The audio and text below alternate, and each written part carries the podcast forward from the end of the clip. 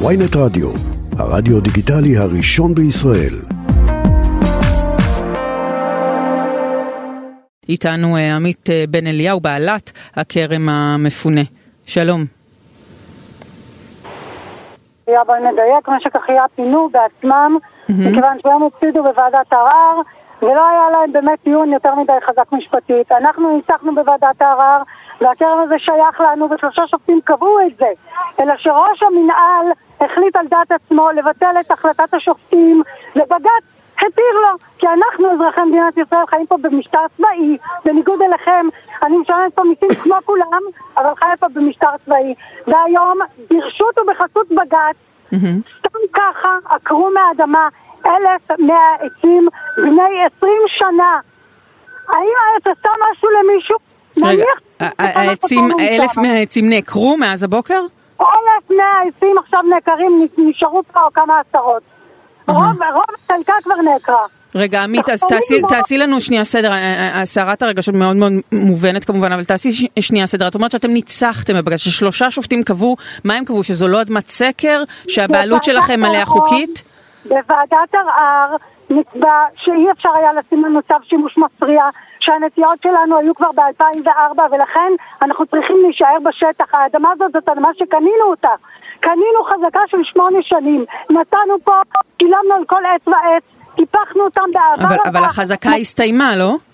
אבל אנחנו קנינו את החזקה לפני שהיא הסתיימה, וגם אחרי שקנינו את החזקה ושילמנו כסף על האדמה, עדיין היינו מספיק זמן באדמה כדי שאי אפשר על פי החוק לשים לנו צו שימוש מפריע. ואת זה ועדת ערר של המינהל האזרחי קבעה שאסור לפנות אותנו מכאן. אבל ב-2014, אחרי שהיא קבעה את זה, עברה שנה וראש המינהל ב-2015 החליט לבטל את ועדת ערר של עצמו, כי לא היה לו נוח ולא היה לו טוב. ובג"ץ שהוא כאילו לא למה, למה, רגע, בואי בואי- בואי נתעכב בזה. אה, את אומרת ראש המינהל זה ראש המינהל עשרות- האזרחי. מול ראש המינהל האזרחי, מול עשרות, על גבי עשרות קבלות על כל עץ ועץ, על הברזלים שלנו, על ההובלות, טסות משלושה גופים שונים. שמוכיחים שהיינו 2004, מול כל הדבר הזה עמדה עדות שקר של סגן אלוף שטען שכשהוא היה עובר כאן הוא לא היה רואה. אז ועדת הערר צחקה לו בפרצוף ואמרה שזה שטויות וקראה שהשטח שלנו. ראש המינהל שנה אחרי זה החליט לבטל את ועדת הערר ובלית ברירה נאלצנו לפנות לבג"ץ. למרות שהבנו שאם חטפנו בגסת כנראה מצבנו יהיה רב אמר. ואחרי הרבה מאוד שנים של דיונים ודיונים ודיונים בג"ץ החליט שלראש המינהל מותר להחליט מה שהוא רוצה.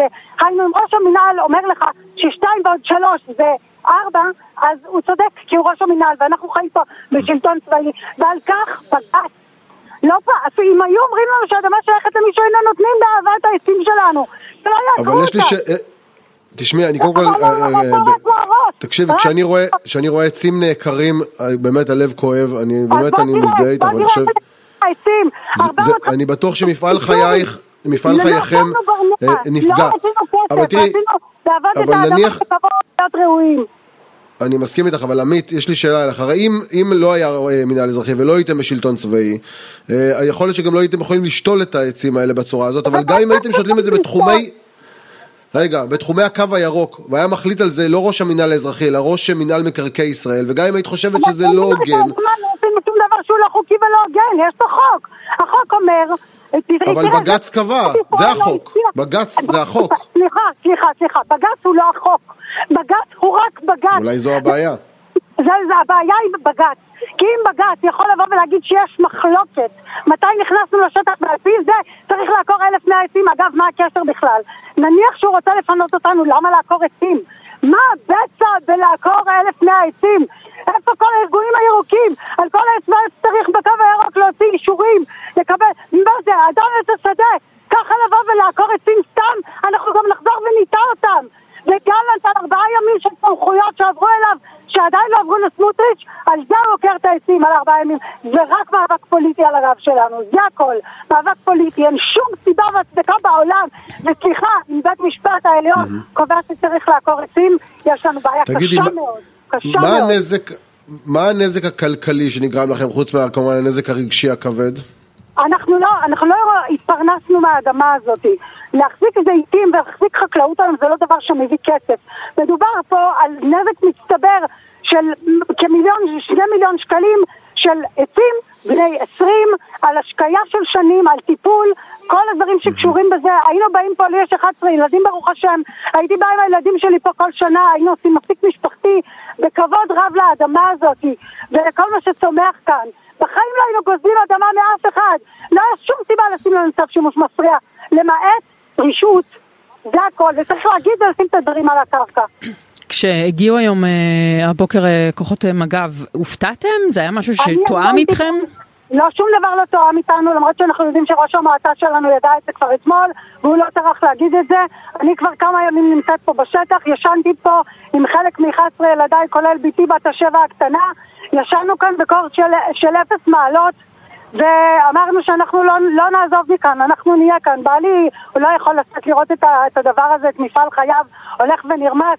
אני לא יודעת אם מישהו מכם יכול לדמיין אלף, אלף מאה עצים שוכבים על הקרקע ודחפורים הרוסים. זה פשוט לא להאמין הדבר הזה, המראה הזה, זה פשע.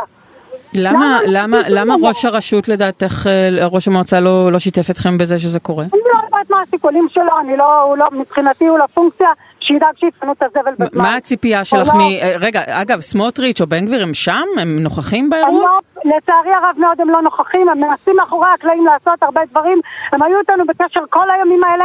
סמוטריץ', בגלל שה, שאחדות העם יותר חשובה לו מאשר השמאלנים שמוכנים לשרוף את כל המדינה ולשפוך את המים עם התינוק, היה מוכן עוד איכשהו בקושי ל- ל- ל- ככה לא, לא לבוא עם כל האגו שלו ולקחת את הסמכויות מגלנט. למרות שאם הוא היה שואל אותי הייתי אומרת לו סמכויות לא מקבלים, סמכויות לוקחים. וגלנט פה בא לעשות עליו שריר על הגב שלנו ועל חשבוננו ואלף מהעצים האלה שעקורים הם גם על הידיים של גלנט. וגם של שופטי בג"ץ. כל מה שנעשה כאן הוא פשוט עוול משווע. בלי שום סיבה. ואנחנו גם נחזור ונשתול. שלא, שמישהו לא יחשוב, המילה האחרונה לא נאמרה. אנחנו לא מפחדים מדרך ארוכה. אבא שלי שהקים את עין גב, אני קיבוצניקית במקור, אני באה ממשפחה של חקלאים, אנחנו לא נזוז מפה. לא נזוז מפה ונשתול שוב ושוב ושוב. וכל הבית, כל ההרס הזה הוא רק על הידיים של העושים. עמית בן אליהו, בעלת הכרם אה, המפונה, תודה רבה שדיברת איתנו. ומשתתפים בכאב שלך, באמת. אתם מוזמנים לבוא לפה ולראות במו עיניכם את הדבר הזה. תודה עמית. תודה רבה.